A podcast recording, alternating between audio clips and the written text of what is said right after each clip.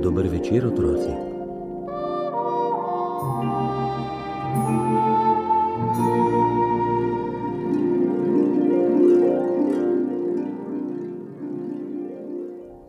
Čisto na dnu morja je živela morska deklica, zvezdica zvezdonka. Ob večerjih, ko je šlo sonce spat in se je prikazala teta luna, se je zvezdonka približala obali in v odsevu morja občudovala zvezde na nebu. Močno si je namreč želela spoznati tisto najsvetlejšo, zvezdo Severnico. A kaj, ko je zvezdi družilo le ime, v resnici pa sta si bili neskončno daleč. Severnici se še sanjalo ni, da nekje v širnem morju živi rdeča morska zvezda, začarana od njene lepote zvezda, ki dan za dnem strmi v nebo in potrpežljivo čaka, da se na nebu prižgejo lučke. Ko je bila zvezdonka že pošteno utrujena od napornega strmenja, so se ji počasi zaprle oči. Stopila je v deželo san in v njej vedno znova srečala nebo posuto s tisočerimi zvezdami.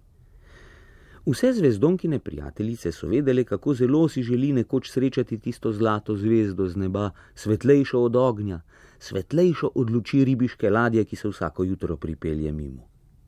Zvezdonka bi pripovedovala, kaj počnejo morski ježki, zakaj je morski pes vedno slabe volje, zakaj se školke držijo kamna in kam hitijo morski pavški. Povprašala bi tisto zvezdo z neba, zakaj pride sonce včasih tako pozno v službo, zakaj je nebo črno in kakšno luč imajo v sebi zvezde, da tako svetijo. Morda bi izvedela tudi to, kje rastejo tiste srečne zvezde, pod katerimi so rojeni nekateri ljudje. Pa se domisli zvezdonkina prijateljica, da se sonce po napornem dnevu vedno potopi v morje, tam nekje ob zahodnji obali. Njega bi lahko poprosila, da odnese pozdrave na nebo. A glej, nobena izmed morskih zvest ni natančno vedela, kam hodi sonce spat. Za manj je zvezdonka spraševala velike pametne ribe, ali so videle sonce v pižami sredi morja. Sanjala je le še o tem, da mora najti sonce. A sanjala je po dnevi, po noči pa ga je neutrudno iskala. Za manj je preiskala mnoge morske špranje in obiskala mnogo morskih zalivov, kjer bi se lahko postlalo sonce, brez strahu, da ga zbudijo močni morski tokovi.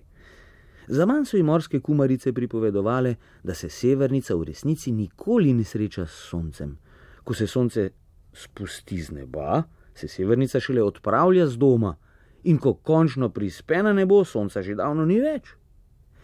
In tudi, če bi našla sonce, sonce ima toliko dela s sijanjem, da bi bilo težko še poštar, ki bi tovoril pisma z neba v morje med tisočerimi morskimi zvezdami iskal našo zvezdonko in ji prevajal zvezdina pisma. Zvezde na nebu namreč govorijo jezik, ki je drugačen od morskih zvezd. Svoje misli zapisujejo na košček neba, tega pa ni mogoče odtrgati kot list iz zvezka in ga potopiti v morje. Zvezdonka kljub temu ni obupala. Če ne morem najti sonca, bom poiskala njegove žarke. Teh pa ni težko najti, po njih se bom povzpela na nebo in sledila svetlobi severnice, si je rekla. Že naslednje jutro je poiskala sončni žarek, ki se je prisvetil skoraj na dno morja.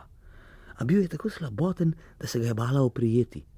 Potrpežljivo je čakala, da se mu pridružijo novi žarki, ki jih je povezovala v snop in se odpravila na dolgo, dolgo pot. Mimo grede je pomahala prijateljicam in obljubila, da se vrne, če je bo hudo. Do danes, tako nam sporočajo morske zvezde, zvezdonke ni bilo nazaj. Prepričane pa so, da ji je uspelo priplezati na nebo, da je tam spoznala severnico in da je ob dolgih večerjih dela družbo na nebu. Prepričane so, da je zvezdonka srečna.